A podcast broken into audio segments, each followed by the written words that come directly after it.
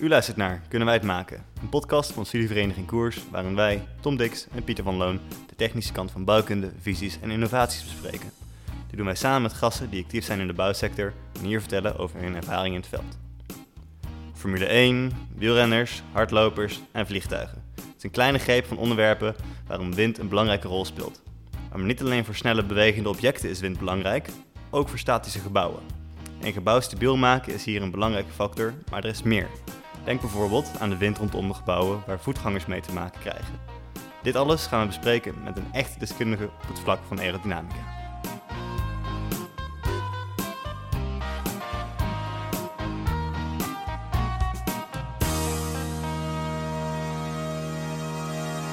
Heel goed, Pieter. Maar uh, voordat we er uh, over uh, gaan praten over dit onderwerp, gaan we nog heel even reflecteren over de vorige aflevering. Dat was met Dirk Rins Visser. Dat ging natuurlijk over ja, het constructeurschap over de grens. Hè. Hij vertelde over zijn ervaring in Spanje, in Engeland, Dubai, zelfs Haiti heeft hij gebouwen mogen ja, van advies voorzien.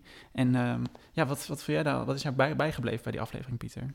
Het was vooral een mooi persoonlijk verhaal voor mijn gevoel. Uh, die, man had gewoon zin in een avontuur en uh, besloot: ik ga op stage in Spanje en het zal wel goed komen. En ik neem een uh, boekje met standaard Spaans mee en we zien wel hoe het gaat. En toen is hij per verliefd geworden en nou ja, toen moest hij maar wat langer in het buitenland blijven zitten. Maar goed om te zien dat als je een beetje sterk in je schoenen staat, dan kom je prima op je pootjes terecht als je ergens anders heen wilt. Ja, hij was niet bang. Hij heeft echt uh, alles gezien volgens mij. Overigens nu weer in Nederland. Daarom kon we natuurlijk met hem afspreken.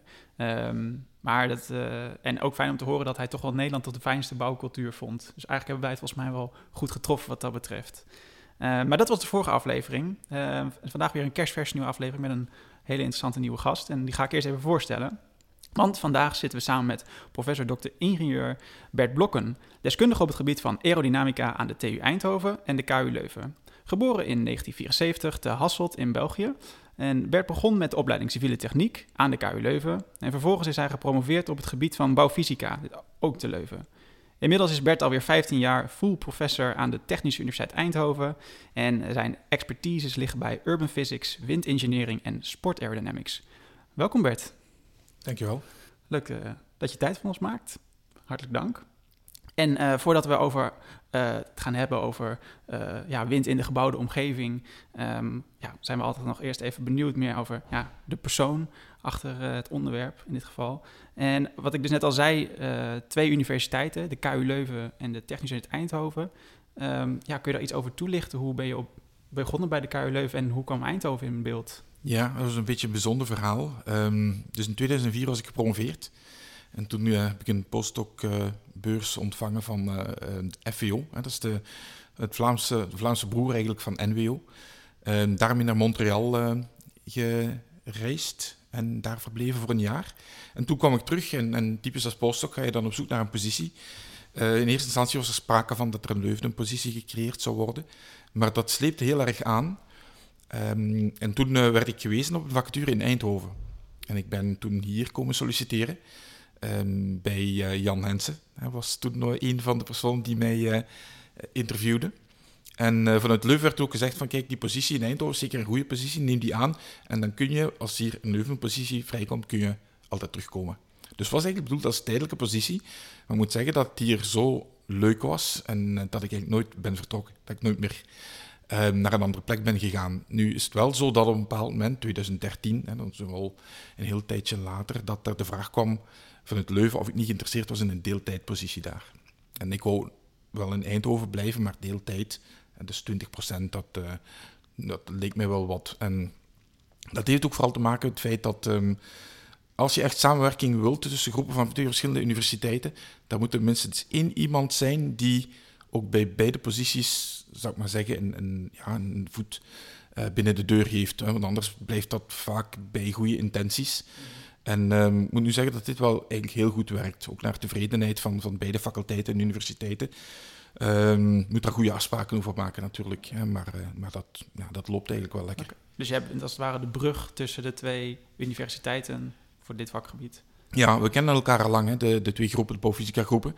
En um, ja, er zijn uh, ook heidagen georganiseerd en barbecues en dergelijke, om elkaar dichter, uh, ja, dichter bij elkaar uh, te komen. Maar ja, uiteindelijk blijkt dat, dat iedereen toch ja, vooral op zijn eigen campus aanwezig is en, en dat die contacten, ja, dat dat wat ja, artificieel was en heel occasioneel ook. Eh, en met iemand die dan echt wekelijks bij beide, op beide locaties aanwezig is, werkt dat eigenlijk veel beter. Het is natuurlijk makkelijker om je collega even aan te schieten als die uh, twee deuren verderop zit. Ja, absoluut. Maar de verhouding tussen hier en Leuven is dus ongeveer 80-20 dan? Uh... Um, wel, eigenlijk, dat was... Um, uh, eigenlijk is 120. 120. Oké, okay, je, hebt, je hebt een ja. baan plus. ja, en um, dat, daar werden eerst wat vragen bij gesteld. Maar goed, ja, als je zeven dagen op zeven werkt, heb je eigenlijk 140% die je kunt besteden. Dus uh, ik besteed nu 120%. En, en dat uh, lukt wel. En sport is altijd een grote passie van jou gebleken. Ook met, natuurlijk met de testen hier zo. maar ook om naar te kijken? Ja, ja, en dat komt zeker niet, um, zou ik zeggen, van, van mijn opvoeding. Want mijn ouders zijn eigenlijk helemaal niet geïnteresseerd in sport. Maar um, ja, we hebben zelfs eigenlijk begonnen rond, rond 13, 14 jaar. In eerste instantie vooral heel veel sport kijken, maar ook van alles proberen. Ik denk dat ik, ik heb heel veel sporten geprobeerd en ik was in alles nogal matig tot slecht. Meestal was ik in het begin heel goed en dan uh, vlakte ik af, terwijl de anderen steeds verder verbeterden. Ja, op plaats kun je nergens meer mee. Maar dan het enige wat uiteindelijk uh, me echt goed bleek te liggen was wielrennen. En dat heb ik dan uh, ja, eigenlijk ook vele jaren gedaan. En heb je er nu nog wel eens tijd voor, zo uh, met de 120% werk? Of, nee, nee, mijn, mijn body mass index kan, is daar ook een antwoord op. Dus 20 jaar en 20 kilogram geleden reed ik echt heel veel met de fiets. 10.000 kilometer per jaar was, was bijna een minimum. Maar ehm, ja, tegenwoordig veel te weinig. Ah, ja. Dus dat is wel weer het offer wat je moet brengen om uh, twee universiteiten goed aan elkaar te koppelen. Ja, misschien wel. Ik heb wel nog altijd die, die droom uh, en, en die blijft leven. Van oké, okay, binnen een maand hè, ga ik het even wat rustiger aan doen, dan kan ik meer gaan fietsen. Maar goed, dat zeg ik nu al vijf jaar, mm -hmm. dus uh, dat zit er nog niet meteen aan te komen. Ja. Ja. Ja, je bent niet de eerste gast uh, die zoiets zegt. Dat horen we vaker inderdaad. Uh, tijd blijft altijd moeilijk. Uh... Ja, ja, tijd is in... Want ik denk, um, toen ik jong was, dacht ik altijd... geld is het schaarste goed. Maar nu ben ik toch wel tot besef gekomen dat, dat tijd eigenlijk veel waardevoller en veel schaarser is. En ik denk dat veel mensen op het einde van uh, hun carrière of hun leven heel veel tijd zouden willen kopen als ze dat zouden kunnen. Ja. Dus, uh, ja, het is natuurlijk ook het moeilijke. Je raakt steeds meer betrokken bij alle projecten, waardoor het ook moeilijker is om ze te laten liggen, kan me voorstellen. Dat is ook zo. En, en ja, dingen zijn, heel veel dingen zijn ook gewoon heel erg interessant. En ik denk dat dat, ja, zoals, zoals veel van ons veel interesses hebt, ja, dan is het soms moeilijk kiezen. Ja. dat is mooi. Je zit in ieder geval uh, al meteen veel passie achter. Daar horen we graag. uh, ik denk dat het wel goed is om ondertussen een beetje over te gaan naar het hoofdonderwerp. En dat doen we altijd uh, met behulp van een vragenvuur. Krijg je zo meteen een vijftal stellingen van ons voorgeschoteld. En in principe kan je volgens mij overal gewoon kort waar of niet waar op antwoorden. En dan achteraf hebben we wel tijd om een beetje te nuanceren en te kijken waar het nou echt in zit. Um, maar als je er klaar voor bent, dan de eerste stelling. Een goede aerodynamische analyse is net zo belangrijk als een goed constructief ontwerp. Waar. Waar. Leuk, leuk. Uh, en aerodynamica kan helpen gebouwen duurzamer te maken. Zeker waar. Sport is mooier dan onderzoek. Niet waar. uh, hoge gebouwen zijn desastreus voor windcomfort op straatniveau. Niet noodzakelijk waar. Niet noodzakelijk waar. Kijk, daar ben ik al meteen benieuwd naar. Uh, ik heb aan een aantal podcasts meegedaan maar dit is de leukste. We zitten nog maar bij het begin, maar uh, op dit moment al zeker 100% waar. Kijk. Ah, gelukkig, dat valt er mee. Oeh, kijk, precies. Dat moeten we nog even waarmaken na de rest van uh, de aflevering inderdaad. Um, maar genoeg om heel even inderdaad om terug te blikken bij deze uh, antwoorden. de eerste stelling die Pieter net, die net vertelde, inderdaad over een goed aerodynamisch analyse is net zo belangrijk als een goed constructief ontwerp. En daar was je het bijna uiteraard mee eens. En, hoe, hoe gaat dat? Want tegenwoordig, uh, als, als je kijkt naar of vanaf een constructief perspectief. Uh, en in wind wordt in beschouwing genomen, dan is dat volgens mij, ja, is, dat, wordt dat, is dat relatief bazaal? Wordt daar voldoende aandacht aan besteed? Um, ik denk dat, zeker als je gaat kijken naar de iets wat uh, uitzonderlijkere gebouwen, dus uitzonderlijk in de zin van hoogte, mm -hmm. of um, ja, toch iets, iets dat, zou ik maar zeggen, afwijkt van hè, de traditionele traditionele prismatige volume. Um, dat ten eerste aerodynamica ook onderdeel is van een goed constructief ontwerp. Mhm. En dus dat er sowieso met, met windnormen wordt gewerkt en met de eurocodes. Daar zit dat in. Dat is misschien niet altijd even zichtbaar, denk ik, voor de constructief ontwerper. Hè, maar, maar hij of zij neemt dat inderdaad wel, wel impliciet mee. Uh, en langs de andere kant heb je natuurlijk de situatie dat uh, um, als je kijkt puur naar de aerodynamica, los van het structurele, um, stabiliteit is natuurlijk de eerste vereiste. En dus van, van een gebouw. Maar dan heb je ook nog situaties of, of um, onderwerpen zoals ja, windhinder, windgevaar rond gebouwen. Um, en er zijn uh, regelmatig nog mensen die sterven omdat ze omver worden geblazen langs een hoog gebouw. Of, of vrachtwagens die omwaaien en mensen verpletteren. Mm -hmm. En door, doordat eigenlijk gebouwen wind uh, versterken. En Leeds is daar uh, een tijd geleden nog zo'n zo'n zware ongeval gebeurd. Um, dus ja, opnieuw denk ik, die stabiliteit, hè, constructieve verhaal, denk ik, blijft het allerbelangrijkste. Maar ja, je zit natuurlijk ook met duurzaamheid, je zit met energieverbruik, je zit met het comfort. Um, en dan komt de winter wel bij te kijken. En als je dan, denk ik, echt naar de exotischere gebouwen gaat, denk aan echt heel grote hoogtes. Dan ja, wordt wind een zodanig grote factor in je constructief ontwerp, um, dat dat echt wel een hoofdpunt wordt. Ja. Maar even terug op die uh, windhinder. Want ik, ik heb er ooit wel eens een keer iets, uh, iets van gehoord en zo. En uh, iedereen die in Eindhoven woont, die kent het vast wel. Um, in het centrum heb je bij het Philips Museum. Heel lang zat daar geen... hoe heet het? Een luifel? Ja. Oh, de, de, admirant. De admirant. Heel lang zat er geen luifel omheen. En werd je er helemaal omver geblazen. En sinds een aantal jaar hebben ze daar een luifel gebouwd. En kan je daar weer enigszins prettig lopen. Ja. Uh, maar het concept van, uh, van windhinder, wat, wat zijn een beetje de basisprincipes ervan? Hoe komt ja. dat? Misschien even terugkomen op die luifel. We hebben die luifel inderdaad ooit um, berekend, niet constructief berekend, hè, want dat is dan jullie taak bij ja. spreken. Maar um, we hebben wel die windhinderanalyse gedaan. Um, waarbij inderdaad er een stevige vooruitgang is geboekt, maar het probleem is niet helemaal opgelost. En dat komt eigenlijk omdat uh, ja, de ontwikkelaar niet volledig naar ons heeft geluisterd. en dat daar toch nog, uh, als de wind uit de andere, kant, andere richting komt, dat daar nog een hekwerk staat waar stevig wat uh, wind doorwaait. Maar goed, om, om terug te komen op, op uh, je hoofdvraag. Uh, ja, het gaat eigenlijk over het windhinder is eigenlijk het vaak, vaak voorkomen van hinderlijke windeffecten. Een windeffect kun je eigenlijk instantaan hebben. Stel, je wandelt door de stad, uh, uh, bent de krant aan het lezen en plots kun je die krant niet meer lezen omdat dat begint te flapperen. Of plots begin je ook moeite te hebben om je recht te houden. Dat kan dus ook in sommige gevallen gebeuren. Of een paraplu die uitklapt en dat soort dingen allemaal. Um, dat zijn dus eigenlijk milde windeffecten. Mm -hmm. En als die te vaak optreden, en dat wordt dan uitgedrukt in het percentage van de tijd van het jaar, dan spreek je op een bepaald moment van windhinder. Hè, als tegenstelde eigenlijk van windcomfort. En dat kan zelfs windgevaar worden wanneer zeer hoge snelheden gedurende een bepaald percentage van het jaar worden, worden bereikt. En dat komt echt omdat um, hoge gebouwen de neiging hebben om wind via de gevel eigenlijk op te vangen en grotendeels naar beneden af te buigen. En dat heeft te maken met het feit dat eh, ho hoe hoger je zit, hoe hoger de windsnelheid, hoe hoger de druk. En je hebt eigenlijk een stroming van hoge druk bovenaan het gebouw naar lage druk onderaan het gebouw. En dat is eigenlijk heel veel wind die langs de gevel naar beneden komt. En dat is geen meterwind, maar dat is misschien 15, 15 meter wind. Die dan eigenlijk botst op het aardoppervlak en dan zijn weg gaat zoeken. En, en dat kan echt tot ja, heel sterke windstromen leiden. Um, en dat kan bijvoorbeeld een factor 2 schelen in windsnelheid. Maar ja. wat betreft kracht op je lichaam is het een factor 4.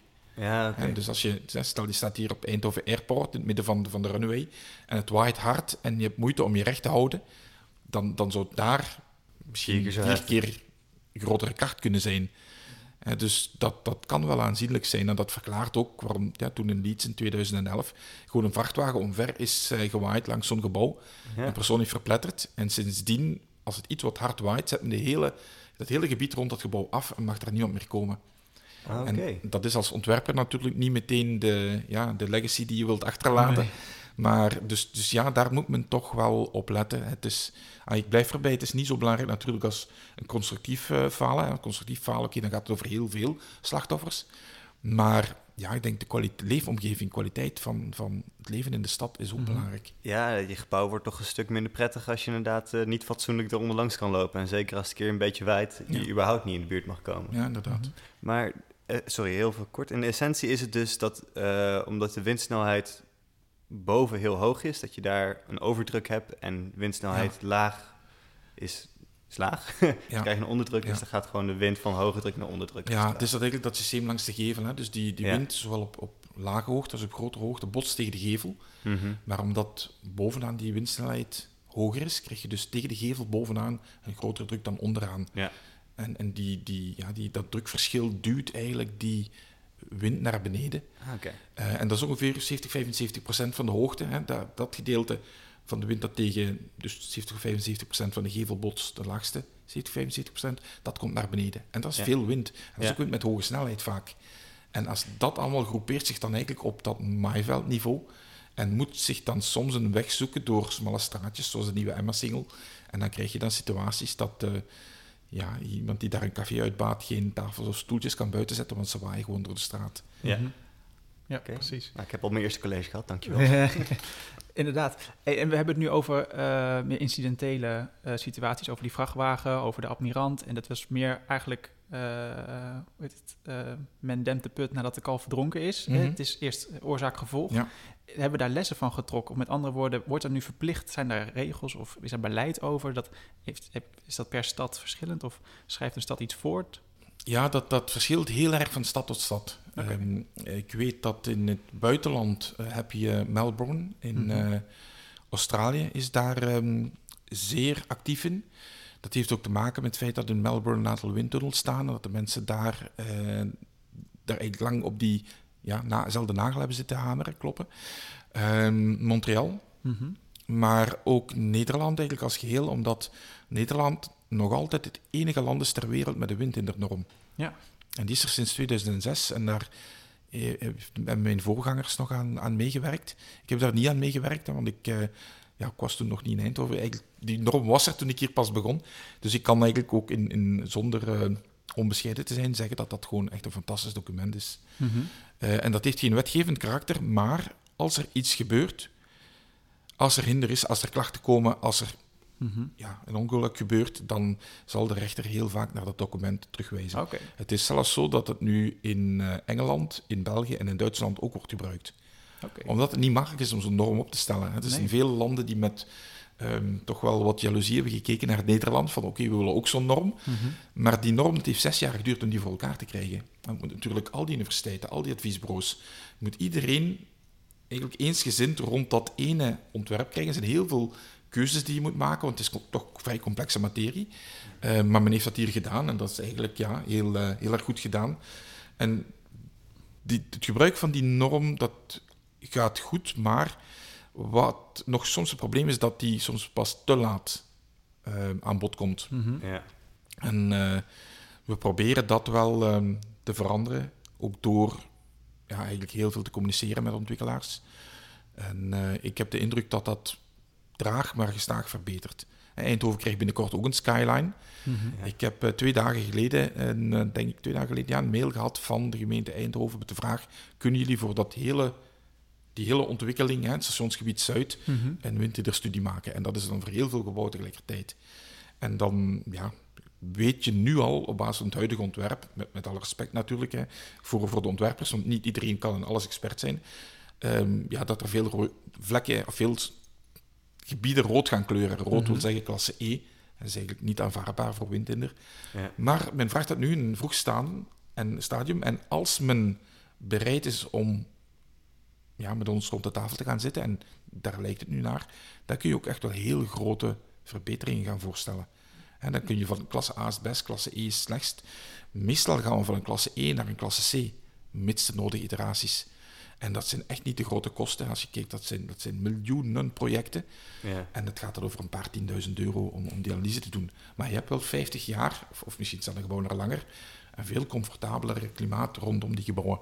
Wat ook je gebouw toch wel eh, op een hogere, naar een Ja. hogere waarde tilt. Ja. En zeker als het gaat rondom het stationsgebied, zou ontzettend zonde zijn als het daar gewoon verlaten wordt, omdat Ja. het eh, Ja. de wind, ja, te veel windhinder is. Ja, inderdaad. Dus er zijn steden die zich daar meer en meer van bewust worden. Op basis van ja, slechte voorbeelden vaak in hun eigen stad. Ja. Den Haag is daar een voorbeeld van. Eindhoven is daar ook een voorbeeld van. Mhm. Hè, met, met, met het studententotaal heeft gedaan. Ja. Ja, dat is nu... Dat is absoluut 0,0% rekening houden met wind Ja. Hè. Je zet gewoon een, een, Doos. ja, een doos neer, een lomprismatig volume. Mhm. Dat had men toch iets beter Ja. kunnen doen. Want inderdaad, je kan er donder op zeggen. Inderdaad, altijd als ik er langs fiets of langs de Verstedatoren, ook een goed voorbeeld. Mhm. Hartstikke mooi in ieder geval, dat daar niet van. Maar als ik er langs fiets, dan weet ik gewoon dat ik even een windvlaag toch door moet. Ja. Dat is gewoon standaard. En dat accepteer ik ook nu gewoon. Nou, maar ik, dat is vast gegeven eigenlijk, ondanks andere condities. Maar nog even over dat, heel interessant dat de gemeente Eindhoven dan u benadert. En, ehm, en het verzoek is dan ook om met een consult te komen, met een advies? Of, Ja, dus in eerste instantie gaan we uit van het ontwerp, het voorontwerp zoals het er ligt. Ehm, en op basis daarvan gaan we dan verbeteringen voorstellen. Mhm. En die kunnen matig zijn, maar die kunnen ook vrij radicaal zijn. Nu, ze worden meestal als matig ervaren als je in een vroeg ontwerpstadium met dat soort verbeteringen. Dus je zegt, oké, die toren moet een kwartslag gedraaid worden. Mhm. Eh, of dan moet het toch moet een beetje lager, of je gaat hoeken afronden en dergelijke. Je gaat een, een, een, een laagbouw eh, bij plaatsen. Dat zijn dingen die dan nog kunnen, maar als al alles afgetikt is en je komt dan met grote maatregelen, ja, dan, dan is men over het algemeen niet zo, niet zo gelukkig.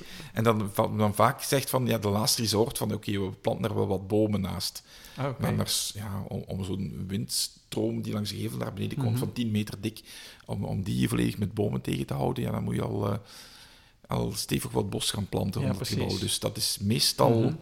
echt een doekje voor het bloeden. Ja, en net als die luifel, dat is ook echt meer een soort van laatste redmiddel. Eigenlijk als het al helemaal in beton omdat, er, is. omdat er eigenlijk bijna ja, geen andere optie was. Mhm. Het is Luifel aan de Admirant. En waarbij de ontwikkelaar ons, eh, na ons eerste voorstel, hele grote luifel zoals die er nu is, heeft gezegd van ja, kan die toch niet een beetje kleiner? Ik zeg, dat kan wel. Ik zeg, maar dan ga je terug met, met, die, met die rode zonnes komen, klasse E. Mhm. Dus dan hebben we toch op, op, op het verzoek van de ontwikkelaar, en ik vind dat ook wel een terecht verzoek, telkens die luifel kleiner gemaakt en gekeken, kon dat dan toch? Ja. Maar uiteindelijk zijn we terug bij die hele grote luifel uitgekomen. Eh, en dat is hem dan ook geworden. Dus nou, alleen, zoals ik al zei, spijtig dat men langs de andere zijde dat dat hekwerk niet heeft dichtgezet. Ja. Want bij sommige windrichtingen is het nu nog hinderlijk. En dat had niet gehoeven. Maar, Hm. Ik vind persoonlijk eigenlijk een best charmant stukje met die luifel. eh, het is misschien eh, niet helemaal wenselijk voor de projectontwikkelaar, omdat het hem extra geld kost. Maar ik vind het geen, eh, ja, geen lelijk beeld per se als je daar langs loopt. Het geeft wel een intieme ruimte weer. Of Ja, zo. en ze verlichten het ook mooi. Ja. Ehm, dus ja, ik vind het ook wel geslaagd Van eigenlijk. de nood en deugd gemaakt. En eh, het is ook weer een stukje droog als het regent. Ja. Ja. Maar ja, de, de gemiddelde passant, de gemiddelde voetganger zou het verhaal daarachter ongetwijfeld niet kennen. Nee, nee. En, en het is ook heel interessant om te zien hoe zo'n proces dan verloopt. Dan kreeg je op een bepaald moment kwa- werden er zorgen uitgedrukt van ja, die luifel die gaat er staan en misschien gaan we hangjongeren krijgen onder die luifel die lawaai gaan maken. Oh ja. Ik zeg ja, als het comfortabel wordt, is die kans natuurlijk wel groter. dus, eh, of het zal misschien als een, als een, eh, als een klankbox gaan werken. Ik zeg Oh ja. ja. maar ja, als je een gitaar hebt en je haalt er de zijwanden vanaf, dan komt er ook geen geluid meer uit. Dus Mhm. uiteindelijk bleek er wel allemaal mee te vallen. Maar, maar er is wel wat overtuigingskracht nodig geweest van de ontwikkelaar naar de bewoners. En ik snap dat ook. Mensen zijn natuurlijk ook ongerust hè, dat Ja. het eh, niet goed zou lopen. Maar ik hoop toch dat de meeste bewoners nu beseffen dat dat een goede keuze is geweest. Oké. Maar soms is dus ook de aanpassing die je kan doen in een project zoiets simpels als het gebouw een kwartslag draaien, had je het net over. Ja, ja inderdaad. Ehm, Heeft het dan te maken met dominante windstromingen? Of, eh, Ja, heeft te maken met dominante windstroming en hoe je ze, hoe je ze afleidt. Hè. Dus eh, ehm, dat gebouw kwartslag draaien zal ook te maken hebben met de omliggende gebouwen mhm. en met de oriëntatie van de straten die erop uitkomen. ja. En dus over het algemeen, als, je, als wind echt op een vlakke gevel blaast en dan naar beneden gaat, dan gaat hij zijn weg zoeken in de daar nabijgelegen straten. Maar als je een gebouw als het ware met de hoek naar de hoofdwindrichting plaatst, dan gaat die wind eerder naast het gebouw, horizontaal langs het gebouw stromen, eerder dan naar beneden te komen. En dus je kunt eigenlijk, wat je eigenlijk moet doen, is je gebouw aerodynamischer maken. Mhm. Ja. Hè, dus je maakt een wielrenner aerodynamisch omdat hij snel door de lucht moet bewegen, maar je maakt een gebouw aerodynamisch omdat die lucht vlot langs dat gebouw moet bewegen. En het is pas wanneer je echt een, zou ik maar zeggen tussen aanstekens, een botte verstoring gaat aanbrengen, met name een studenthotel, prismatig volume, helemaal niet aerodynamisch, dat ja, die, die windstroming echt verstoord wordt. En die Ja. verstoring uit zich meestal in die afbuiging naar beneden. En die studies die je daarvoor eh, gaat, eh, gaat doen of hebt gedaan, gaat doen, Ja, gaan doen, ja. gaan doen, ehm, is dat allemaal hier in de windtunnel? Of is dat computersimulaties? Of hoe gaan die in zijn werk? Ja, in dit geval eigenlijk kunnen beide, over het algemeen. Maar soms is het ene meer aangewezen dan het andere. En omdat het hier over een heel groot gebied gaat, is het best om dat met computersimulatie te doen. Omdat als je in de windtunnel, de windtunnel is drie meter breed, als je dan een groot stadsmodel erin wilt plaatsen, dan ga je het heel sterk, een grote schaalfactor, ga je het heel sterk moeten verkleinen.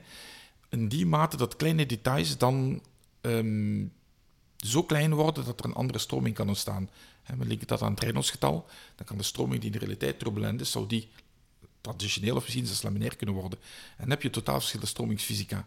Mhm. en, en, op zo'n moment eigenlijk wordt een windtunneltest niet meer zinvol. Dus als het gaat over kleinere gebieden en enkel gebouwen met omliggende gebouwen, oké, okay, windtunneltest gaat veel sneller dan een computersimulatie. Maar um, ja, voor een dergelijk groot gebied is het echt wel computersimulatie dat aangewezen is. Een tunneltest is sneller dan een simulatie? Ja. Maar daar moet je alles voor opbouwen. En, uh, daar moet je alles voor opbouwen, ja. Hè, je, maakt, um, uh, je laat een model maken. Nu, over het algemeen kan dat vaak uit hout gemaakt worden. Dat gaat vrij snel. Of het wordt gefreesd uit uh, polyurethaan of dergelijke. Maar dan ja, een windtunneltest. Um, ik denk één windtunneltest voor één windrichting is misschien één minuut. Één minuut testen. Dat is ook met de wielrenners zo. Maar het is, het is het opbouwen dat, dat inderdaad veel tijd kost. Maar in computersimulatie moet je eerst die geometrie in de computer onderbrengen. En moet je dan ruimtelijk discretiseren. Dan moet de computer per windrichting daar enkele dagen over rekenen. Dus dan zit je toch al wel snel aan een veel, uh, veel langer proces. Um, maar je krijgt met de computer veel meer informatie. je krijgt informatie in elk van de rekenpunten. Dat zijn er misschien 30, 40, 50 miljoen. Terwijl in de windtunnel moet je ja, je meetpunten kiezen, en dat zijn er misschien 50. Dus dat is een heel erg groot verschil. In de windtunnel ga je moeten inschatten. Misschien zal het daar problematisch zijn, dus ik plaats daar mijn meetpunt. Ja. Mhm. En dus dat is eigenlijk wel wat het, het grote verschil. Mhm. En je hebt natuurlijk geen schaalproblemen in de, ja, precies. In de computersimulatie. ja, en de computer duurt meteen op ware grootte. Maar duurt, zei je, enkele dagen per windrichting om de berekening te doen? Ja, ja. ja, omdat over het algemeen, uh, zeker bij zo'n groot gebied, dat um, ja, er heel wat richtlijnen bestaan om zo'n rekenraster, noemen we dat, hè, een computermodel te maken. En dan zit je eigenlijk met, ja, met heel veel rekenpunten. Als ik zeg 30 miljoen, dan moet je dus de stromingsvergelijking gaan oplossen in elk van die 30 miljoen rekenpunten. Dat gebeurt iteratief. En misschien doe je dat in 15.000 iteraties. Ja, dan moet je eens even berekenen hoeveel, hè, hoeveel berekeningen dat zijn. Dat is zelfs mhm. op de stevige cluster die we hebben bij BPS is, is dat zeer veel werk. Soms rekenen we ook op supercomputers van anderen. Maar dan ben je toch nog vaak enkele dagen per windrichting bezig. Mm Zo. Ja, dat zijn enorme had ik, niet, uh, had ik niet bij stilgestaan en verwacht. Nee, en um, dit is wel interessant. Om nog heel even, ik ben benieuwd hoe het nou precies is ontwikkeld. Want die hele aerodynamica-geschiedenis die is ontstaan natuurlijk in de windtunnel. Toen kwam er op een gegeven moment een digitaal alternatief, toen de mhm. computer mm geïntroduceerd werd. Maar een interessante vraag volgens mij: gaat de computer de overhand krijgen of zal de windtunnel altijd blijven bestaan? Dat is een heel goede vraag. Um, en, en die vraag heeft zich eigenlijk sinds de jaren 60 regelmatig uh, gesteld. Um, er is zelfs een, een, eh, een quote die uh, tijdens een, uh, een conferentie in de jaren 80 werd gebruikt in de, in, de, lucht, in de luchtvaartindustrie. Waarbij men zei van oké, okay, computers en een computersimulatie ontwikkelt zich zodanig snel dat in de toekomst al die windtunnels alleen nog maar gebruikt zullen worden om computeroutput op te slaan. Hmm. en dat is eigenlijk helemaal niet gebeurd. En de reden daarvan is dat, um, ja, er sommige dingen zijn die je gewoon heel erg moeilijk met computersimulatie kunt doen. Dat computersimulaties, zoals ik daarnet zei, ook heel veel tijd vragen. Mhm. Ehm, en dat computersimulaties ook, zeker als je te maken hebt met grote objecten, denk aan vliegtuigen, gebouwen, dat die eigenlijk alleen maar kunnen uitgevoerd worden mits aannames van die stromingsvergelijkingen. Die stromingsvergelijkingen zijn vrij complex. Het zijn eh, niet-lineaire partieel differentiaalvergelijkingen. Die kun je niet rechtstreeks oplossen dat kan alleen voor heel eenvoudige problemen, met, met de zwaarste computers die momenteel bestaan. Maar wat wij doen is altijd vereenvoudigde vormen van die vergelijking gebruiken. Maar je weet nooit echt op voorhand of die vereenvoudigde vorm wel nauwkeurig genoeg is. En dat wordt dan typisch gecheckt met een windtunneltest. En zo zie je dat die twee elkaar heel erg kunnen versterken. Mhm. Ehm, en dat geldt ook in andere vakgebieden. Als je kijkt, we testen nu bijvoorbeeld voor, voor Team Jumbo-Visma ook heel veel met tijdritpakken. Um, een tijdritpak in de windtunnel testen is niet zo moeilijk. Hè. Je trekt die, die, renner of, of die pop, die, dat pak aan, windtunnel aan, een minuut later windtunnel uit en je hebt het resultaat. Maar dat met, met zo'n fijne ruwheid, op zo'n kleine schaal, heel dicht bij de huid, modelleren met de computer is, is bijzonder moeilijk. We zijn daar nu al uh, bijna een jaar mee bezig en dat gaat uiteindelijk wel lukken. Maar ja, die, die onnauwkeurigheden of die onzekerheden die daarbij een rol spelen, is, is zeer, zeer moeilijk om dat met computersimulatie te doen. En dus zo zie je dat eigenlijk in bijna in heel veel vakgebieden, dat toch altijd die combinatie experimenteel computer en experimenteel numeriek blijft bestaan. Ja. Mhm. Interessant. Heel interessant. En ehm, wat ik me nog afvraag, is er uh, de, de, de, de, de, de kennis uh, ja, verbeterd? Is, de, is er nog sprake van ontwikkeling in de CFD uh, eh, en de windtunnel? Ja, ja, het is te zeggen, um, eigenlijk is dit soort windtunnels, hè, zoals we hier ook nu op, de, op onze universiteit hebben, in onze faculteit, is nog niet zo heel oud. Windtunnels zelf bestaan al heel lang. Hè. Dat is van bijna um, ja, het begin van uh, uh, de vliegtuigbouw, de massale vliegtuigbouw. Ik denk dat de wereldoorlogen er heel anders zouden hebben uitgezien zonder windtunnels. Uh, maar dat noemen ze dan aeronautische windtunnels. Dat zijn windtunnels die in het algemeen heel kort zijn, maar hoge snelheid moeten genereren, hè, omdat je natuurlijk ook vliegt met hoge snelheid. Uh, in eerste instantie, in de jaren 50, toen men vooral hoogbouw begon uh, te bouwen, was men geïnteresseerd voor het constructief ontwerp in de druk op die gebouwen. Mm -hmm. En heeft men die gebouwen in een luchtvaartwindtunnel geplaatst en metingen gedaan. En uh, achteraf een paar mensen zich vragen beginnen stellen van, ja, maar die uniforme stroming, hè, zoals je hebt wanneer een vliegtuig door stilstaande lucht beweegt, hè, dan komt relatief gezien die lucht naar dat vliegtuig met een uniform profiel, de snelheid overal gelijk. Um, ja, dat gebeurt niet echt in de atmosfeer. Hè, want als de wind stroomt rond een gebouw of de wind stroomt over het aardoppervlak, dan is die snelheid nul nabij het aardoppervlak en die neemt toe met de hoogte. Mm -hmm. en dat, dan krijg je eigenlijk een soort van toenemend profiel, we noemen dat een logaritmisch profiel. Dat is heel anders dan ja, gewoon een, een recht uniform profiel. En toen is men eigenlijk begonnen met specifieke windtunnels te bouwen die dat aardse grenslaagprofiel gaan genereren. Mm -hmm. En dat is pas gebeurd in de jaren 60. En toen heeft men gezien dat al die testen die men heeft gedaan in die oude lucht- en ruimtevaarttunnels, dat die allemaal verkeerd waren. En toen heeft men, en ik denk dat het de enige keer is, naar mijn weten in de geschiedenis, dat boeken verbranden een goede optie was. Heeft men heeft al die catalogi die waren ontwikkeld met die drukcoëfficiënten in die lucht- en ruimtevaarttunnels allemaal vernietigd, vreugdevuren van gemaakt en dergelijke. Um, en, en dan is eigenlijk die nieuwe generatie windtunnels ontstaan. Mm -hmm. Dus de atmosferische grenslaag windtunnels. Ja, dat is echt zo'n significant verschil dat het gewoon uh, die oude weer echt... Ja, dat was radicaal verschillend. Mm -hmm. ja, dat was echt okay. radicaal verschillend. Ook wat turbulentie betreft. Hè, want in de ja. luchtruimtevaarttunnel is de turbulentie zo laag mogelijk. Maar in de atmosfeer zit je aan nou ja, 20, 30, 40 procent. Mm -hmm. Dus je krijgt totaal andere effecten. Okay. Um, ja, dat, dat is op geen enkele manier uh, te vergelijken. Er zat zelfs geen, geen lijn in te trekken wat, wat verschillen betreft. Dus men heeft toen gewoon echt radicaal gezegd, en dat, dat is ook gedocumenteerd. Oké, okay, dit moet allemaal, allemaal weg. En mm -hmm. um, ja, we gaan gewoon een heel nieuwe generatie windtunnels bouwen ja. wereldwijd. Ja. En dat heeft men ook gedaan. Ik heb dat uh, tenminste van u geleerd als de, de ABL-windtunnel, inderdaad, de Atmospheric Boundary ja, Layer ja, windtunnel. En zoals u al net zei, van, uh, we zitten naast eentje, de windtunnel van u. En, ja, kunt u wat vertellen over de windtunnel waar we naast zitten? Waarom is er gekozen voor een ABL, een windtunnel? Ja, um, wel, ja de keuze voor een, voor een Atmospheric Boundary Layer windtunnel was eigenlijk denk ik vrij essentieel, omdat we een faculteit bouwkunde zijn.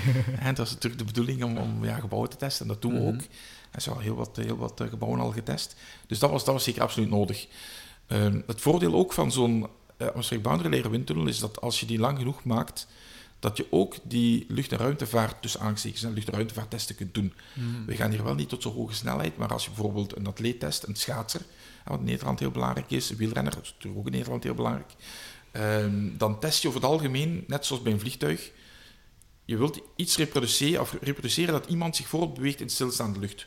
Mm -hmm. ja. Dus die aankomende stroming, als je die renner of die schaatser stilzet in de windtunnel, die aankomende stroming moet uniform zijn en met zo laag mogelijke turbulentie. Ja. En dat doen we dan vooraan de windtunnel en gebouwen testen we achteraan. En zo kun je eigenlijk beide, um, ja, beide deelvakgebieden bestrijken met één windtunnel. En moet je dan ook, uh, ik kan me voorstellen als je verschillende schalen gebouwen test, dat het profiel van, uh, van de windsnelheden ook uh, verschaald moet worden? Ja, klopt, klopt. Dat is heel belangrijk. niet alleen het profiel, maar ook de, um, de turbulentie. Ja. Uh, en um, ja, eigenlijk je turbulentiespectra moet eventueel wat aangepast worden. Dus wat wij in de windtunnel doen om eigenlijk het voorland, als het ware, dus de ruwheid van het gebied stroomopwaarts van die gebouwen te simuleren, is kleine plaatjes dwars op de stroming plaatsen. Mm -hmm. Naarmate dat misschien een stedelijk gebied is, worden die plaatjes groter. Zijn die dichter bij elkaar, is dan een landelijk gebied, zijn er veel kleinere plaatjes. En die genereren eigenlijk die, ook die turbulentie die hoort bij een bepaalde schaal. Ah, oké. En dan, ja. Dus met, met een, een heel groot gebouw heb je dus eh, allemaal kleine plaatjes voor een klein Ja. beetje turbulentie. Ja. En met relatief kleine schaalgebouw heb je een paar grotere platen. Eh, andersom eigenlijk. Of, hè? Dus eh, naarmate het gebouw kleiner wordt en, en je schaalt het gebouw Ja, eh, naar een, eh, ja, een grotere schaalfactor eigenlijk. ja. En dan ga je eigenlijk die plaatjes die dan het voorland voorstellen, of de andere gebouwen, die ga je ook kleiner maken. Dus op die manier, dus je schaalt ze eigenlijk als het ware mee met het gebouw. Ah, oké. Ah, Oké. Op die manier. Maar dat is, een, ja, dat is eigenlijk een zeer tijdrovende procedure, want soms is dat echt trial en error. En eh, ik krijg ook vaak de vraag van, ja, is daar nu nog niks slimmers voor ontwikkeld? En het antwoord is nee, helaas niet. Je moet altijd terug met die blokjes spelen. Ja. Ehm, sommige windtunnels gebruiken men Lego of Duplo. En dan zie je inderdaad volwassen mannen en vrouwen terug met eh, Lego en, en Duplo aan de slag gaan. En die dingen, die dingen werken heel goed, want je kunt die makkelijk op elkaar zetten en terug losmaken door een andere plek zetten. Oh ja. Maar het is zeer tijdsrovend. Nu, eenmaal je dat gedaan hebt en je weet welke configuratie blokjes of plaatjes hoort bij welk profiel, ehm, kun je dat natuurlijk in de toekomst wel makkelijker reproduceren. En hoe bepaal je dan wanneer het goed is? Wanneer ben je tevreden met je blokjes? Met je Duplo? Ehm, ja, daar, daar zijn ehm, heel wat richtlijnen voor opgesteld in de afgelopen decennia. En profielen die je eigenlijk zou moeten matchen met ja, wat je in de windtunnel vindt. Want die zijn dan gewoon in, in stedelijke en landelijke omgevingen gemeten. Ja, absoluut, precies. Ja, voor verschillende types voorland, ruwheid, ruwheden van het voorland. Ah, dat gaat van een ijsvlak, ijsvlakte, wat het meest eh, ja, gladde is, Ja. tot een zeer dicht bebouwd stedelijk gebied met, met echte hoogbouwtorens. Denk aan Manhattan-type eh, voorland. Ah, Oké. En de, de windtunnel, je had het net over dat je een paar meetpunten hebt, eh, een stuk of 15, of eh, ligt er een beetje aan hoeveel eh, tijd en geld en eh, dat soort dingen. Eh, maar meet je dan eigenlijk gewoon specifiek de snelheid op een paar plekken? Of wat kan je meten in de, in de windtunnel? Ja, en hoe meet je? En hoe meet je inderdaad? Ehm, over het algemeen meten we, als het over gebouwen gaat, snelheden en drukken. Ehm, als je bijvoorbeeld, als het over windhinder gaat, dan ehm, wordt er ofwel gemeten met een eh, lasersysteem. Laser-Doppler anemometrie heet dat. En dat is eigenlijk een systeem waarmee je heel precies in, telkens in één punt de snelheid en de turbulentie kunt meten. En dus dat meet ongeveer 10.000 hertz, dus 10.000 keer per seconde. Dan krijg je gigantisch veel data. En zo kun je op voorhand de computer programmeren dat die bijvoorbeeld 100 punten of 200 punten afscant. Om dat te kunnen doen moet je wel kleine druppeltjes olie in de stroming brengen. Dus als het ware een mist van druppeltjes. Ah, En die gaan, eh, ja, die gaan licht weerkaatsen. Dus ehm, dat, is, dat is een van de systemen. Ehm, er zijn ook eenvoudiger probes hè, om snelheden te meten. Als het gaat over drukken, dan werken we eigenlijk echt met eh, drukbuisjes. Dus dan krijg je een model en dat model eigenlijk aan de binnenzijde is ja, een soort van spaghetti met allemaal drukbuisjes die eindigen of beginnen hè, op de gevel of op Ja. het dak. En dan eindigen eigenlijk onderaan de windtunnel. Ehm, en die gaan naar een, naar een drukmeetsysteem. En dat zijn er dan, ik denk, we hebben er 256, als ik me niet vergis, van die, van die meet- drukmeetpunten. En dat is over het algemeen wel, wel voldoende, als je één gebouw goed wilt eh, doormeten. Dus de algemene snelheden en turbulenties, dat doe je dus door een fijne mist toe te passen in, in de wind. En Ja, die kan je dan met een laser meten. Ja, ja, ja dat is de, meet waar de meest nauwkeurige manier om het te doen. En dat is ook eigenlijk het duurste meetapparaat dat we hebben. En dat is eigenlijk eh, heel lang geleden aangeschaft hoor. Ik denk dat is heel aangeschaft in, nog in, in de jaren 2008. Hebben we dat inmiddels wel moeten upgraden. Maar, maar dat is eigenlijk ja, echt state of the art en dat blijft ook goed. En dat zal hier binnen, binnen 30, 40 jaar nog staan. Dus dat is eigenlijk apparatuur waar je eenmalig in investeert. En, en waar je dan mits onderhoud, en waar je eigenlijk ja, decennia lang mee verder kan. Ja, grappig, ondanks eh, flinke, ja, flinke stappen in technologie met computers, is de meterapparatuur, eh, het concept is gewoon top en dat, eh dat kan je blijven houden. Ja, dat is eigenlijk ook zo. Je ziet daar niet... eh, Er zijn natuurlijk wel wat ontwikkelingen in de zin van ehm eh, dataprocessing, visualisatie en dergelijke, maar echt die... Ja, zou ik maar zeggen, de, de kern van die meettechniek op zich is eigenlijk niet veranderd. Ja, oké. Ik zou graag nog, eh, ik zie dat al gezien de tijd eh, inmiddels een selectie moet maken in wat ik nog wil vragen. En een daarvan is zeker nog een bouwkundig gerelateerde vraag natuurlijk over wind in de bouw. En een van de bekende fenomenen als het gaat om wind in de bouw is het eh, Venturi-effect. Volgens mij wat een beetje paradoxaal niet ja, heel natuurlijk aanvoelt. Zou je dat kunnen toelichten, wat het Venturi-effect inhoudt? Ja, ja ehm, in principe is het Venturi-effect, en daar zijn, er zijn oneindig veel discussies over gevoerd. Uh, ik heb daar zelf ook een, een deel van meegemaakt. Ik ben um, ooit door een anonieme peer reviewer eh, met de grond gelijk gemaakt, omdat ik durfde stellen dat Venturi-effect niet bestond in een stedelijke omgeving. Um, ja, uiteindelijk heb ik dan wel gelijk gekregen, hebben we ook gepubliceerd, maar uh, dat was zo'n hevige discussie met, met die persoon en, en met anderen, dat ik op een bepaald moment uh, een mail heb gestuurd naar de Niels Bohr Bibliotheek in de Verenigde Staten, want daar ligt dat originele boek van Venturi van 1799. En ik heb die heel vriendelijke dame um, ehm, 13 mails moeten sturen. Dus misschien, op een bepaald moment werd het misschien wel wat te veel. Maar goed, na die dertiende mail zei ze van... Oké, ik zal het, omdat je zo blijft aandringen... en ik, ik snap dat je dat graag wil lezen... ik zal het voor jou scannen, maar ik moet heel voorzichtig doen... want dat ding valt uit elkaar. En dat ligt hier onder een glazen stolp. Dus ze heeft dat toen me ingescand opgestuurd... wat super sympathiek was. En... Um, in dat boek staat inderdaad wat het Venturi-effect is. En dat is natuurlijk wat Venturi zelf heeft gedaan. Dat is kijken naar um, waterstroming in kanalen, gesloten buizen, waarbij die buizen plots van diameter veranderen. Dus die buis wordt plots veel smaller. En dan gaat, en nu is dat uiteraard logisch, vroeger was dat uh, um, ja, toch wel vrij innovatief als, als idee. en dan gaat dat water versnellen. Ja. Eh, omgekeerd in verenigd met de verandering in de doorsnede van die buis. Nu, um, dat is een gesloten stroming. Ja, dat is een stroming van een kanaal dat volledig vol zit. Um, waar dat water langs een andere kant kan ontsnappen. Maar als je stroming hebt, bijvoorbeeld tussen twee gebouwen die naast elkaar staan, dat is een open stroming, hè? dat is een stroming in de atmosfeer. En als die wind naar die gebouwen stroomt, ja, er is geen enkele wet in de fysica die zegt dat al die wind zich door die nauwe opening moet persen. En dus wat eigenlijk de stromingsvergelijkingen leren, is dat die wind, net zoals we dat van water vaak zeggen, hij zoekt de weg van de minste weerstand. Mm -hmm. En dat is heel vaak niet door die doorgang, maar rond en over die gebouwen.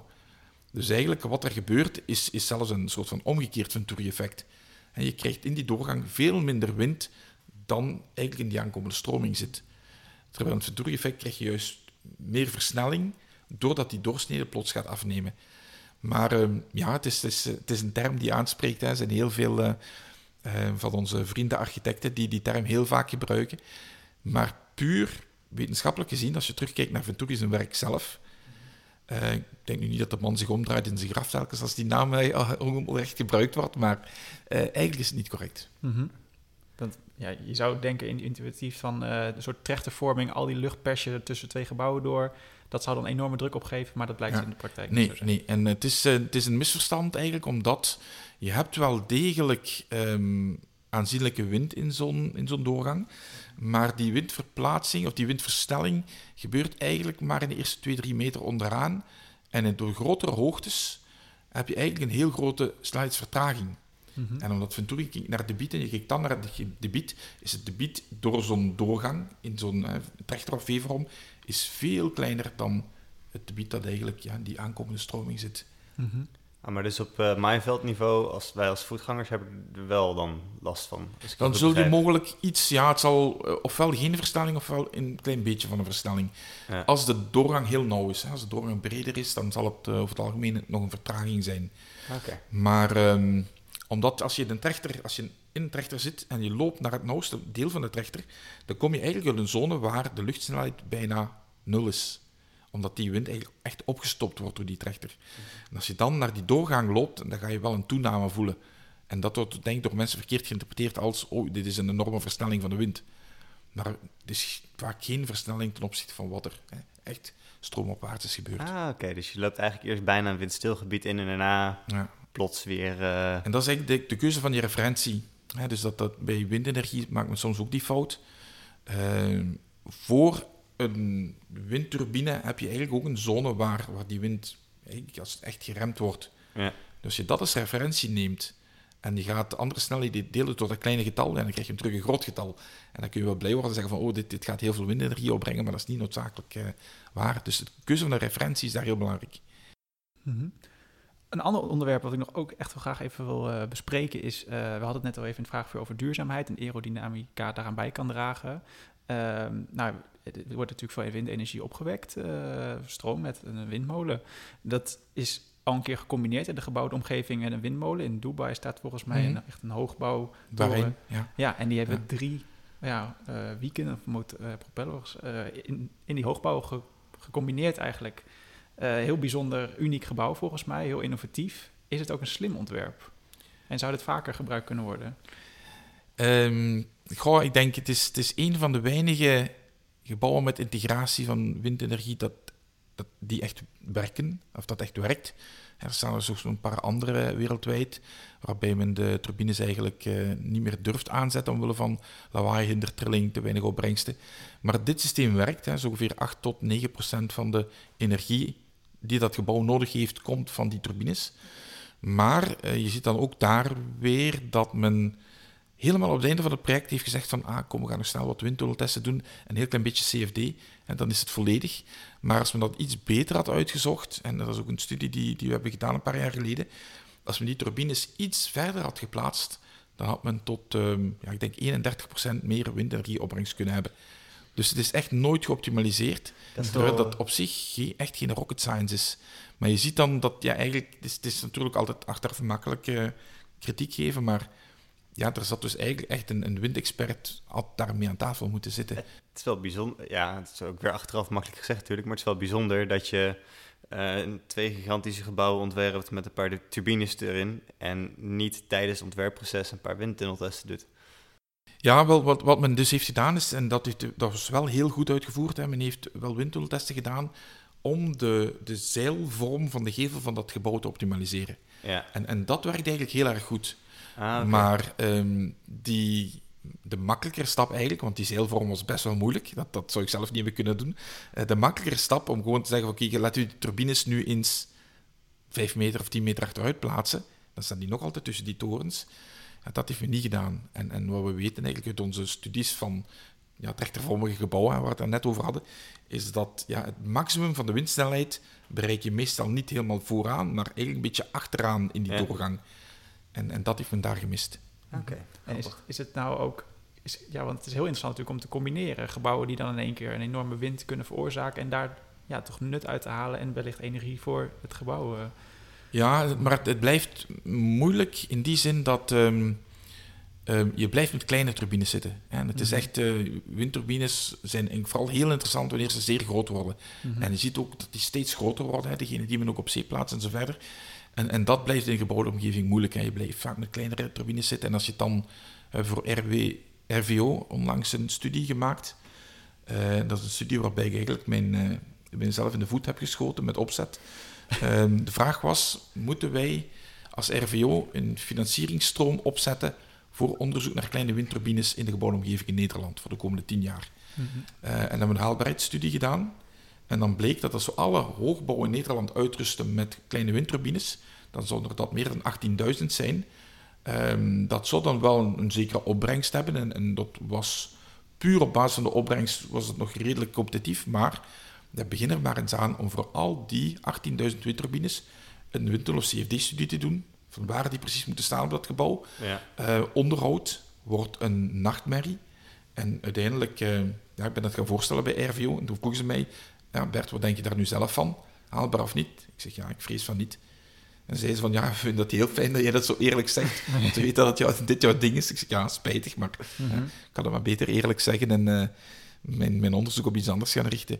En dat is, dat is een beetje het spijtig van die kleine windturbines. Nu, er zijn nog altijd uitzonderlijke projecten waarin het dan toch wel goed werkt, hè, zoals dat Brain World Trade Center. En dat mag ook, ik denk dat moet men ook blijven doen. Ja. Mhm. Maar heel Nederland, alle daken in Nederland uitrusten met, met masten, met daar een kleine windturbine op. Mhm. Ja, Ik denk niet dat dat... eh, windturbines zijn sowieso volgens mij, ik ook over smaak valt niet te twisten, maar windturbines zijn niet altijd eh, gewenst. En in NIMBY eh, voor windturbines is bekend. Ik kan me ook voorstellen dat niet iedereen... eh zonnepanelen wordt ook soms kritiek op gegeven op daken, maar alles volhangen Ja. met windturbines. Ik denk niet dat... eh, nee, ik denk dat het ook gewoon op, alleen al op basis van dat punt, ja, aanvaardbaarheid, dat het, dat het niet haalbaar zou zijn. nee. Ja. Zelfs al zou men daar nu massaal op inzetten. Ik ben helaas de naam vergeten van het project, maar er is een aantal jaar geleden hier, ook vanuit de bouwkundefaculteit, heeft iemand een, eh, een idee gehad om een soort van energienest op gebouwen te plaatsen met zonnepanelen en, en kleine windturbines eh, Mhm. erin. Mhm.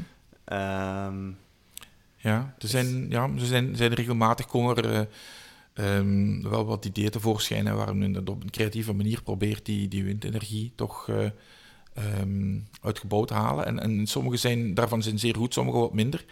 Het probleem, een probleem dat altijd eigenlijk blijft, is dat het over kleine turbines gaat. Hè. Ja. En, en je wilt vooral veel energie, dus eigenlijk heb je ofwel heel veel nodig, ofwel grote. Want die Dus, turbines eh, waren eh, ja, niet, niet de traditionele wieken, om het zo maar te zeggen, maar het leek meer op... eh, het eerste wat in mijn hoofd komt is een soort van beslagmixer. ja, ja. ja, verticale asturbines. Ja. ja. Ja, ja. dat, is wel, dat type is over het algemeen wel beter geschikt voor gebouwde omgeving dan die met die wieken.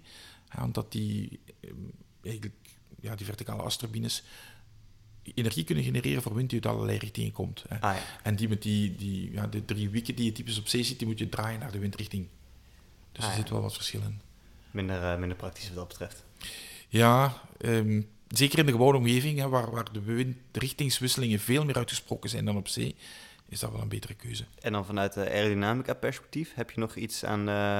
is de luchtstroming bovenop je gebouw, is die nog toevallig sneller dan, eh, dan regulier op die hoogte? Of maakt dat niet zoveel uit? D- wel, ja, dat is eigenlijk precies het pijnpunt. Eh, dat is dat eh, over een zekere hoogte, boven je dak, is de windsnelheid heel laag. En dat is de, de separatiezone. Daar worden helaas vaak windturbines geplaatst en dan leveren ze niks op, dan draaien ze bijna nooit. Eh, als je dan iets hoger zit, maar dan ga je misschien al naar een mast van 5 à 10 meter moeten gaan, dan heb je voor sommige windrichtingen zit je dan in de versterkte luchtstroom, voor andere weer niet. Dus het wordt heel moeilijk. Je moet dan echt op de, hoek van het gebouw gaan plaatsen en dan hopen dat de wind uit die richting komt. Nu, in sommige contraien komt de wind bijna altijd dezelfde richting, bij ons in Nederland niet. Dus dat, dat wordt moeilijk en je moet dan al heel hoge masten gaan. En dan komt dat, dat aanvaardbaarheidsaspect en het visuele aspect weer eh, Ja.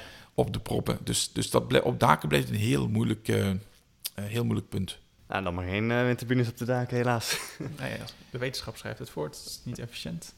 Ja, ze staan er ook, er heeft er een tijdje ook eh, hier eh, op een gebouw in de ring eh, rond Eindhoven, heeft er ook eentje gestaan. En ehm, een afstudeerder van mij toen, heeft die jongen die eh, was heel geïnteresseerd in die data, die is naar het bedrijf gegaan, heeft daar een goed gesprek gehad, die mensen waren heel eerlijk en die zeiden van ja, eh, wanneer we bezoekers hebben, dan zetten we stroom op die turbine om ze te laten draaien, want anders krijgen we dit niet uitgelegd. Oh. Dus dat is al wel een indicatie. Nu goed, Eindhoven ligt ook niet meteen aan zee, of tenminste nu nog niet. Dus eh, ja, dit, dit is geen goed windgebied hè, Ja. voor windenergie. Dus je moet al heel dicht bij de kust gaan zitten om, ja, om echt wat hogere snelheden te hebben. En dan nog. Mhm. Om weer heel even terug te komen op het vragenvuur. Als ik me niet vergis, hadden wij stelling 2 van aerodynamica kan helpen om gebouwen duurzamer te maken. Daar was je het wel mee eens. Ja, Maar dus niet in de turbinevorm. Ehm, nee, niet noodzakelijk. Ehm, dan denk ik in eerste instantie aan natuurlijke ventilatie. Ah ja. Eh, of in elk geval nachtkoeling door natuurlijke ventilatie. Ehm, en over het vermijden van oververhitting in de zomer. Hè, want dat wordt nu steeds meer en meer een probleem. Ik denk dat er onlangs eh, in een aantal Nederlandse kranten nog eh, een verhaal stond van een Eindhovens gebouw waar de mensen zelfs op een slechte zomerdag met 39 graden binnen zaten. Dat soort Ja. aspecten. Vorig jaar was het dramatisch wat dat betreft. Ja, ja. Was dat haasje over toevallig? Eh, ik denk dat dat, dat gebouw Met die was, brug ja. en de oranje Ja, toren. ja. En daar, daar kun je wel dingen aan doen, maar daar kan windstroming een heel belangrijke rol spelen. Als je daar, daar goed op inzet. Ehm, en een traditionele oude zonnewering, hè, die, die men soms niet graag ziet, maar, maar gewoon een, een scherm aan de buitenzijde, Mhm. dat dan afgekoeld wordt door de wind. Of natuurlijke ventilatie met Atlas doet.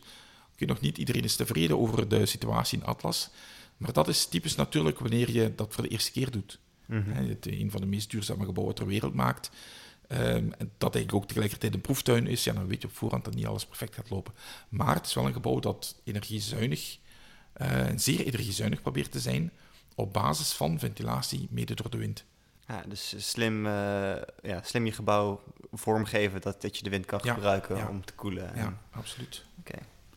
Dat klinkt al mooi. Zeker. Ik, eh, ik heb nog honderd vragen, maar omwille van de tijd eh, denk ik dat ik mijn laatste vraag gesteld heb. Ik weet niet of jij, Pieter, nog gooi er nog één in, Tom. prangende vraag hebt. Nog één, nog één in? Nou, dat dan eh eindigen Mag ik ze kiezen? Ja, nee, uiteraard. Ja, dat vond ik een interessant... nou, het waren allemaal interessante vragen, maar die, die vraag van eh, onderzoek is mooier dan sport. Oh ja, ja. Ja, dat vind ik ook wel een hele leuke. Ehm, wel, ja, ik denk... Het mooiste is natuurlijk als je ze allebei kunt combineren. Mhm. En ik denk eh, dat dat... eh, ehm, toch wel ja, een situatie is die je zeker aan de universiteit goed kunt combineren. want oké, mijn, mijn, passie ligt natuurlijk ook bij, bij bouwkunde, bij bouwfysica. Uh, maar als je echt getriggerd wilt worden of je wilt um, ja, een heel uitdagend project, dan ga je wel naar bijzondere gebouwen moeten gaan kijken. Mm -hmm. waar, waar je echt um, ja, veel hogere nauwkeurigheid moet halen dan, laten we zeggen, de, de volgende studenthotel, met, met respect. Maar, uh, maar in de sport is dat ook zo. Hè. Dus in de sport ben je met nauwkeurigheid van 5% is waardeloos. Ja. En, en dat ook in de windtunnel, uh, maar ook in computersimulatie, dat, dat triggert ons, dat, dat eist van ons dat wij veel nauwkeuriger gaan werken dan we normaal gezien zouden doen. Uh, en, en dat voedt zich dan ook wel weer terug ook naar bouwkundige toepassingen. En dat maakt het wel heel interessant.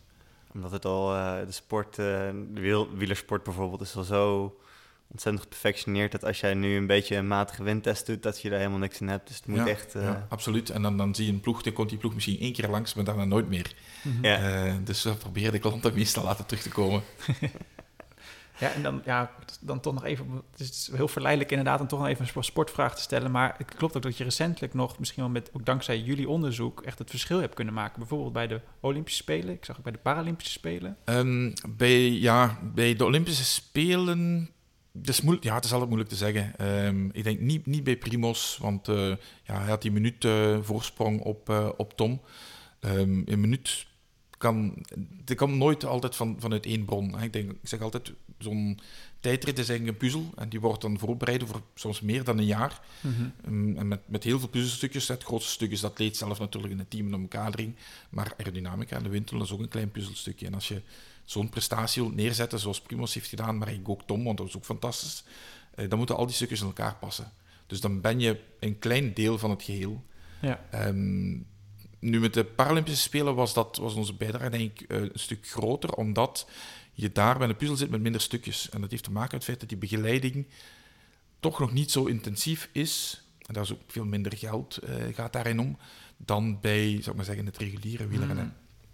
Mm. Dus uh, ja, die medailles op de Paralympische Spelen die deden extra veel deugd. Ja, zowel bij, de, bij het Nederlandse team als het Ierse team als het Belgische team. Mm -hmm. Dus dat was voor ons een, een hele leuke periode. Ja. Kijk. Spijtig dat maar één keer om de vier jaar gebeurt, alleen om de drie. Ja. ja.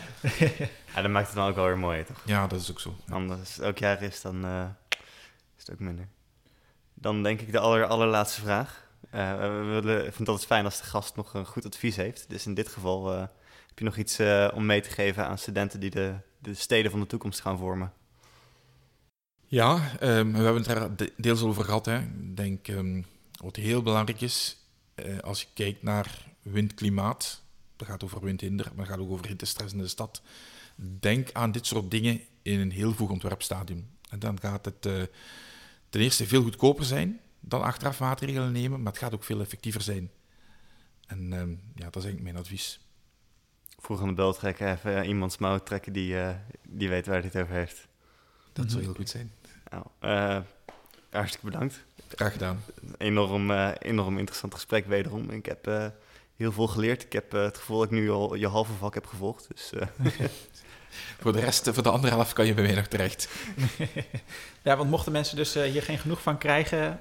je hebt ook een, een, een, een MOOC, ja. een Massive Open ja. Online Course die voor iedereen in principe beschikbaar is. Zeker, ja. Hè, dus uh, waar kunnen mensen die vinden als ze het echt heel graag...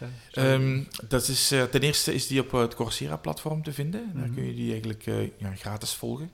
Maar het is ook een cursus hier aan de universiteit. Hè, dus met dezelfde naam, Sports and Building Aerodynamics. Dus gaat over windtunneltesten, gaat over CFD, gaat over 100 meter sprint, wielrennen. En uiteraard over gebouwen en windhinder en mm -hmm. Venturi-effect. Het vertroei-effect zit daar ook in. Ja, dus eigenlijk heel veel van de dingen die we besproken hebben, komen daar uh, uh, aan bod. Dus uh, mensen die daarin geïnteresseerd zijn, kunnen mm -hmm. dat ook ja, via de TU vinden. Kijk, super. Ook vanuit mij hartelijk dank. Dat was een van de hartstikke interessant en leuk gesprek.